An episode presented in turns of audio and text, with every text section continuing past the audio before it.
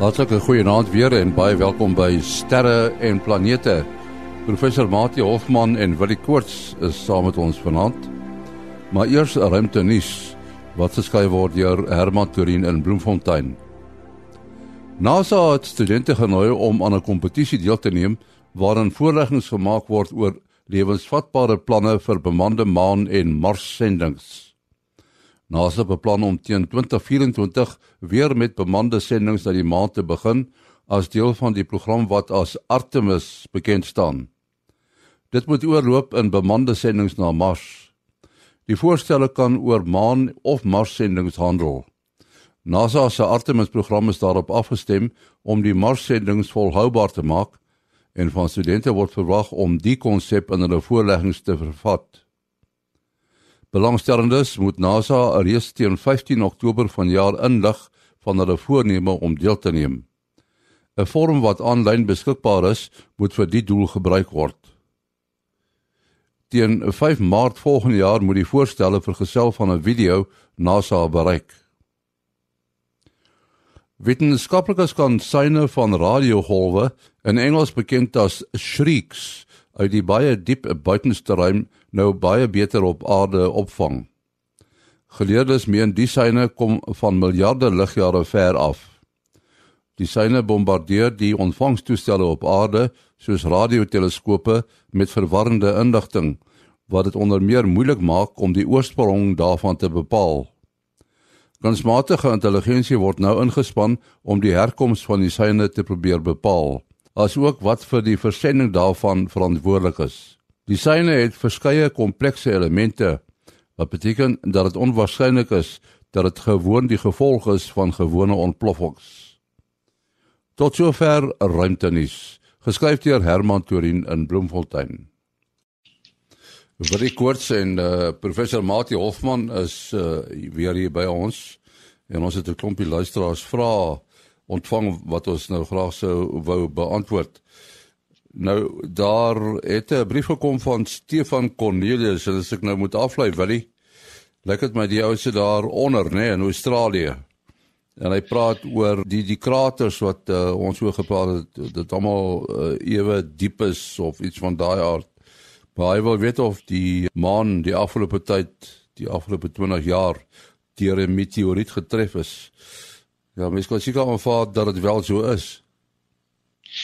Uh ja, lekker om te hoor van luisteraars in die buiteland. Dit is goed om te weet ons word wyd en suid ge, geluister en hy lyk my hy het ook na die heruitsending geluister wat erns hier in die klein uurtjies van die môre by ons. So dis eintlik nou ook eh, 'n uh, beter tyd daar by hulle. Ja. Ja, dis reg. Uh um en uh, en dan vra hy ook vir my interessant genoeg wat is die kans dat 'n spectacular botsing van die maan kan plaasvind terwyl American TV dit monitor. Nou ja, ek het vir hom 'n uh, uh, bietjie nuus daar so dit is toe Spaanse TV wat dit monitor. Ja, interessant genoeg die um uh, daar is 'n beweging of 'n program met die naam van MIDAS en MIDAS staan vir Moon Impact detection and analysis system. En uh dis 'n klompie teleskope, uh kleinerige teleskope maar met toegerus met baie uh sensitiewe CCD kameras. Um en die kameras is dan of die stelsel kyk dan spesifiek na die maan en hulle kyk eintlik net na die donker gedeelte van die maan. So as die maan nou 'n fase het, dan kan 'n mens nou dink dat jy nou die helder verligte sê maar dis nou eerste kwartier of laaste kwartier as die helfte van die maan lig en aan die helfte donker en uh mense wat nou al probeer fotografie uh, neem dit of byvoorbeeld wanneer jy 'n okkultasie het wanneer 'n uh, 'n planeet naby die maan sit eintlik hierso vroeër in die week het Jupiter so mooi langs die maan gesit. Um En dan om alles gelyk belig te kry is dit nogal 'n moeilike storie want jy uh, het hierdie geweldige helder lig van die maan teenoor dan die donker gedeeltes. Um so uh, uh soos ek gesê het tydens tydens meteoreens uh, sal 'n mens dan meer impakte verwag op die maan en uh, dit is dan ook die tyd wat hulle bietjie meer konsentreer. Maar verder het hulle 'n uh, uh, deurgaande vir 2 weke van die maanfase wanneer daar genoeg moet maar donker gedeeltes is om om op te te konsentreer, het hulle 'n hele klompie teleskope in uh, versprei oor oor 'n paar uh, stede daar in Spanje. Um wat dan na die maan mik die CCD kameras uh, kyk dan na die donker gedeeltes hulle vat lekker lang beligtings en hulle kry nogal gereeld dat daar nou wat hulle eintlik dan sien is 'n flits toe die lig flits van van iets wat die wat die maan tref. Um ek het 'n luisteraars vraag iemand wat my ge-WhatsApp het nogal toevallig hierso in die week of twee terug wat gevra het sal 'n mens die stof kan sien as iets die maan tref nie. Nou uit die aard van die saak, die stof gaan moeiliker wees omdat dit dieselfde kleure is as die maan en eintlik die beligting is sleg want die beligting kom net so half van die verkeerde kant. Dit sou lekker gewees het as dit op die rand van die maan is byvoorbeeld laat jy die die stof kan sien uh sê teen die teen die son wat dit belig aan die agterkant. So uh, ja, so hierdie hierdie Midas stelsel um een uh, uh onlangse waarneming wat hulle gemaak het was op die 21ste Januarie verjaar. Uh toe was daar 'n maansverduistering, 'n volle maansverduistering. En um en sover bekend is dat die enigste keer wat 'n ligflits iets wat die maan getref het, 'n uh, uh, impak waargeneem is op die maan tydens 'n maanverduistering. En um en omdat dit soos ek sê die maan sê moon impact detection and and analysis system so hulle doen ook dan die analises um werk uit die helderheid en in twee van hulle teleskope kon hulle toe hierdie um hierdie optel terwyl die maan verduister was. So dan kan jy die aard van die saak ook langer belig en hulle sommetjie sê vir hulle die oorspronklike impakter was so erns tussen 30 en 60 cm in deursnit uit 45 kg geweg die maan getref teen ongeveer 61000 km/h gelykstaande impak 1.5 ton TNT en uh sou 'n krater van so 10 tot 15 meter veroorsaak het. Nou ja, die krater gaan ons nou nie van die aarde af kan waarneem nie. Van die aarde af kan ons maar iets uh wat soos 100 meter uh en groter is uh, waarneem as gevolg van die atmosfeer wat ons beperk en um so selfs met die beste teleskope op aarde. En um maar wat ons het uh, en dit het ons ook al reeds in die in die definitief binne die 20 jaar wat hy van praat het uh, uh die, die lunar orbiter wat om die maan 'n um, uh, wentel en en baie naby foto's neem, het al definitief vars kraters waargeneem. En hoekom ons weet dit is vars, is 'n mens kan sien aan die aan die ligte kleur van die krater wat die uh, die oppervlak dieper of onder die oppervlak uh die goed blootgestel het die die die maan die maan materiaal. Dis natuurlik natuurlik net die kraters wat ons kan sien. Wat van die agterkant van die maan? Ja, korrek. So hulle gaan uit die aard van die saak net net aan hierdie kant aan hierdie kant waarneem as omdat dit van die van die aarde af gedoen is en ehm um, en dan dan iets soos soos hierdie ehm um, soos hierdie orbiters wat om die maan vlieg uh wat natuurlik die agterkant ook sien uh gaan gaan dan ook hierdie hierdie varser kraters kan waarneem. Nog 'n brief wat ons gekry het is van Chris Kriel af. Ek weet nou nie waar hy woon nie maar dit kom nogal uh as 'n soort van 'n draaibal is die heel al ouer as die oudste sterre. En uh, ek weet nie wat die mense daarop sou antwoord nie matie.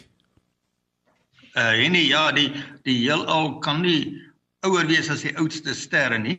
Uh so as daar nou navorsing is wat wys dat volgens bepaalde teorieë uh modelle dit lyk asof die oudste sterre ouer as die as die heelal is, dan moet daar iewers 'n fout wees. Dis maar eintlik waaroor dit kom uh, gaan. Die die die sterre was nie die eerste liggame in die heelal nie. Daar was 'n uh, aansienlike tydperk voor die eerste sterre kon uh, kon vorm.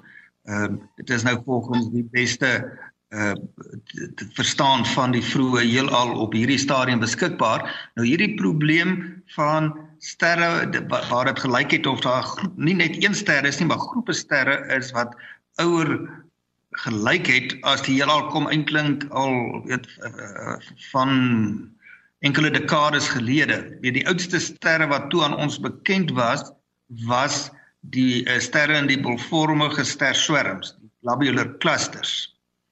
Uh vat nou maar Omega Centauri en 47 Tucanae. Uh ek dink dit is uh, liggame wat ons nou al oor gesels het. Baie skouspelagtig deur selfs 'n goeie amateur teleskoop. Uh om nou maar net aan Omega Centauri te dink. Uh, mens sien dit met die blote oog net net daar naby die suiderkruis as so 'n dowwe kolletjie. Dit lyk soos 'n sterretjie uit fokus uit. Maar hulle raam daar daar uh wel meer as 5 miljoen sterre daaraan is en deur die teleskoop sien jy net al hierdie uh miljoensende spikkeltjies. In daardie sterre is so 'n omgewing van uh sê 14 uh, biljoen jaar oud terwyl die die heelal jonger as dit beraam was uit Hubble se wet uit en die uh oerknal teorie uh en so aan. Ek sien hierso uh dat die uh een van die oudste sterre bekend is uh Methusalem se ster. Mens verstaan hoekom hy daardie naam het. HD 140283. Hy's net 190 ligjare vanaf die aarde. Nou die ouderdom van sterre uh word beraam met uh astrofisiese modelle uh van hoe sterre nou uh, deur hulle lewensloop gegaan het uh hulle samestelling uh 'n klomp parameters van die ster wat jy kan meet deur net die lig daarvan te bestuur uh, te bestudeer. Uh daarteenoor word die ouderdom van die heelal met kosmologiese modelle uh beraam wat ook nog maar 'n aantal parameters in het wat wat jy moet probeer meet. Weet uh, die die Hubble se konstante is 'n belangrike een. Uh en uh, wel op die stadium is die beste waarde wat hulle kry vir die ouderdom van die heelal in die omgewing van 13,7 uh, biljoen jaar. Ehm uh, so uh, dit lyk volgens bepaalde metings, maar dan dan moet hulle nou maar gaan kyk watter metings is die meeste uh betroubaar en hulle modelle gaan verfyn. Ehm uh, op 'n stadium weet ek was van die was van die uh, van die probleme is jy moet ook die afstand na 'n ster toe kyk om te weet presies hoe helder hy is. En dit hang weer af van moeilike afstandmetings en uh daar was op 'n stadium sistematiese foute van hoe die Hipparcos satelliet se parallaksmetings toegepas was en op grond daarvan het hulle toegesien dat van die sterre eintlik jonger is want hulle die afstandmetings nie presies reg gehad nie.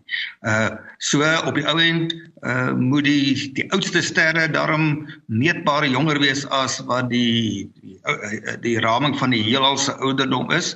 Uh so dis maar 'n storie wat ons moet dophou hoe hulle nou agterkom waar hulle foute maak. Ehm uh, ek weet in die in die hulle staamlik seker oor hulle metings van Hubble se konstante.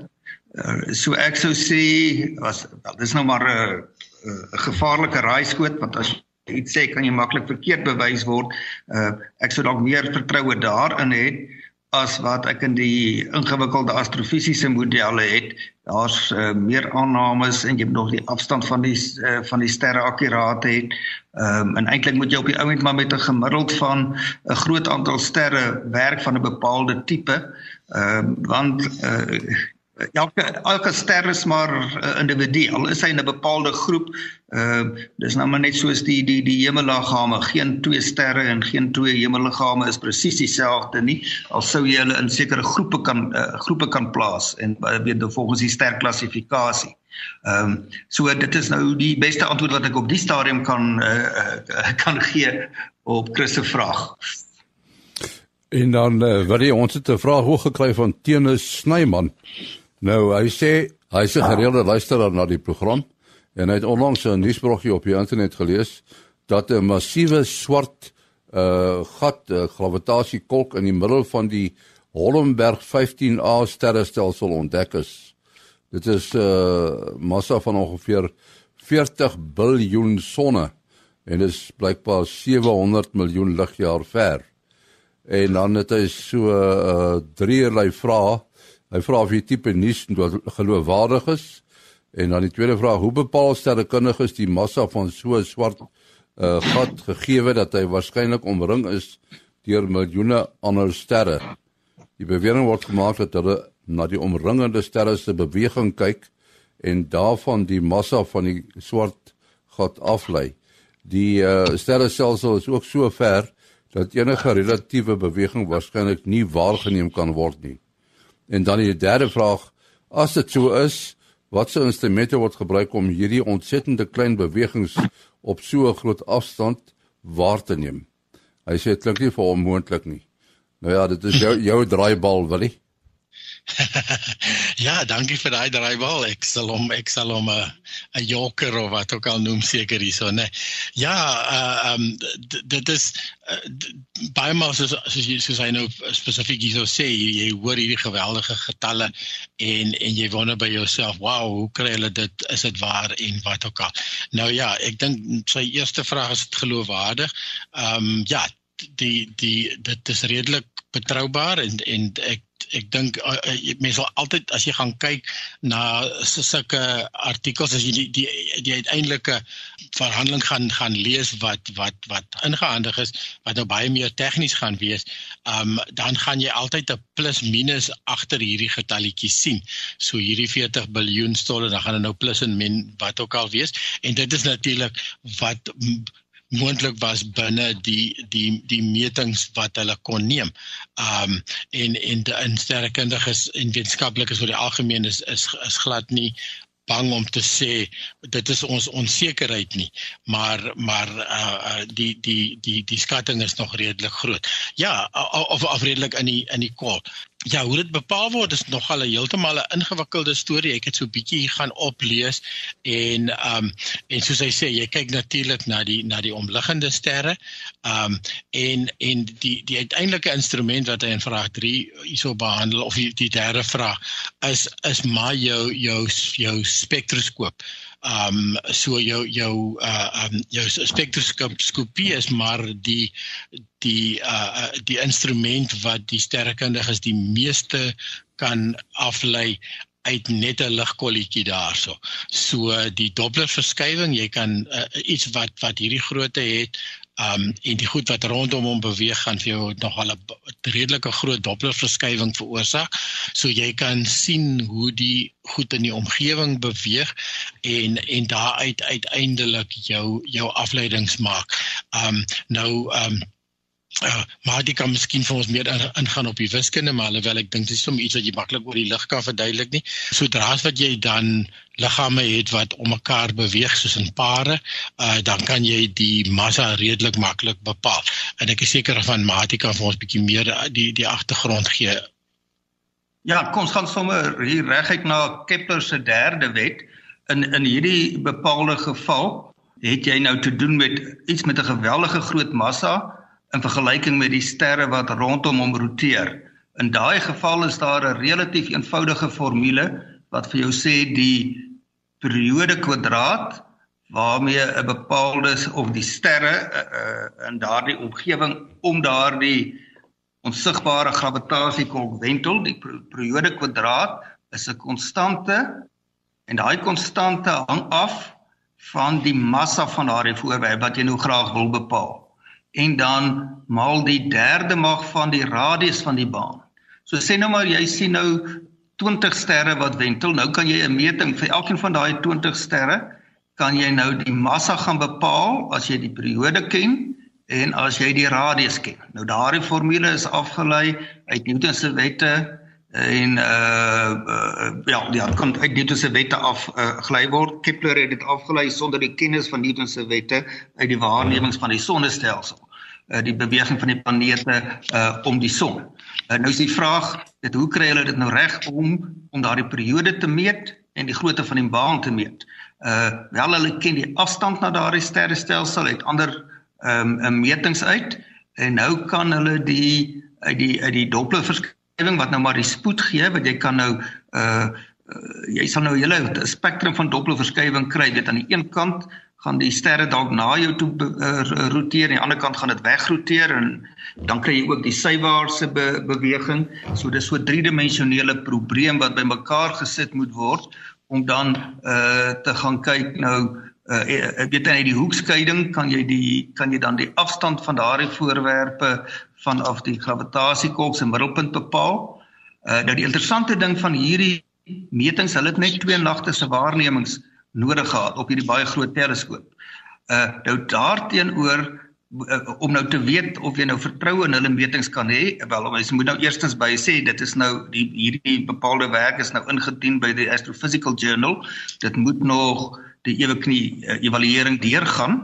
Uh so maar hulle het dit nou vir kommentaar beskikbaar reeds gestel, maar daar's soortgelyke werk al gedoen en in die metodiek is uh deur kruisverwysings gekontroleer. Met ander woorde, as jy dieselfde afleiding op twee verskillende maniere kan maak. Kom ons gaan kyk nou na 'n baie goeie voorbeeld wat nou aansluit by die vraag van hoe kan hulle nou sulke fyn op so groot afstand sulke fyn details sien?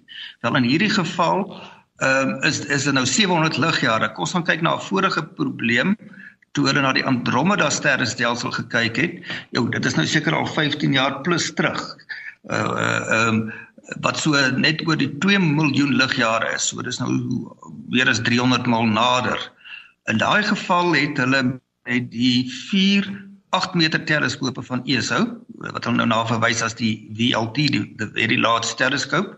Hulle het hulle saamgekoppel wat hulle dan 'n baie groot effektiewe teleskoop gee wat baie fyn kan sien en dan het hulle nou die aanpassingsoptika wat die effek van die atmosfeer uh teenwerk en dan sien hulle 100 maal fyner as wat ons nou sommer hier deur 'n teleskoop met die oog kan gaan kyk, 'n baie goeie teleskoop. Uh en in in die geval van die Andromeda sterrestelsel is daar in sy middel 'n gravitasiekolk van so wel enkele miljoen keer die massa van die son. Nou wel hier praat ons nou van uh wat was dit uh, 50 miljard is dit nog uh 40 miljard keer die massa van die son. So dis 'n geweldige baie nog groter as die een in Andromeda. Maar in daai geval moes hulle baie harder werk as net twee nagte se waarnemings. Hulle het 8 jaar lank se waarnemings gedoen. Ehm uh, en hulle moes dit in die infrarooi doen sodat hulle deur die digte interstellêre wolke van die Melkweg kon kyk tot in die in die middel van die wel aan die van die Andromeda Melkweg en uit die 8 jaar se data uh, hulle het 'n animasie ge, uh, gemaak daarvan en mense kan dit op YouTube gaan soek wat die werklike posisiemetings wys van hoe daai sterre om hierdie onsigbare punt uh, draai. So in daai geval kan jy nou dan direk deur daai geometrie wat jy dan nou die posisie se verandering oor 8 jaar gemeet het, kan jy die bane baie duidelik uh bepaal en dan kan jy dit mos nou kontroleer by die Doppler metode wat jy nou die spoed van daardie sterre kry deur bloot die Doppler verskywing te gaan te gaan meet. Die uh, gravitasiekolk is dis eintlik maar onsigbaar. Jy sien dit sy effek. Ja, mens sien net sy effek en by geleentheid sal jy nou uh, weet as jy nou nie net in die sigbare lig kyk nie, sal jy sal jy uitstralings optel, weet kan ons praat van flitsse. Uh, dit is nou as hy 'n uh, ster ingesluk het, dan kan daar ekstra hulle uitkom. Ehm um, ek dink amper dit het nou onlangs uh, gebeur uh, uh, by die Sagittarius A in die middel van ons eie Melkweg sterrestelsel dat hy so 'n uh, 'n flits gemaak het. En hulle groei nou maar soos wat uh, materie te naby daaraan kom en dan in spiraal en dit is hoe hulle hierdie geweldige massas kan bereik die in die geval van die Hollenberg 15A, weet hoe kom jy nou by 14 biljoen sonmassas uit teenoor nou die uh ek dink dit is 4 miljoen sonmassas vir Sagittarius A hier in ons eie Melkweg.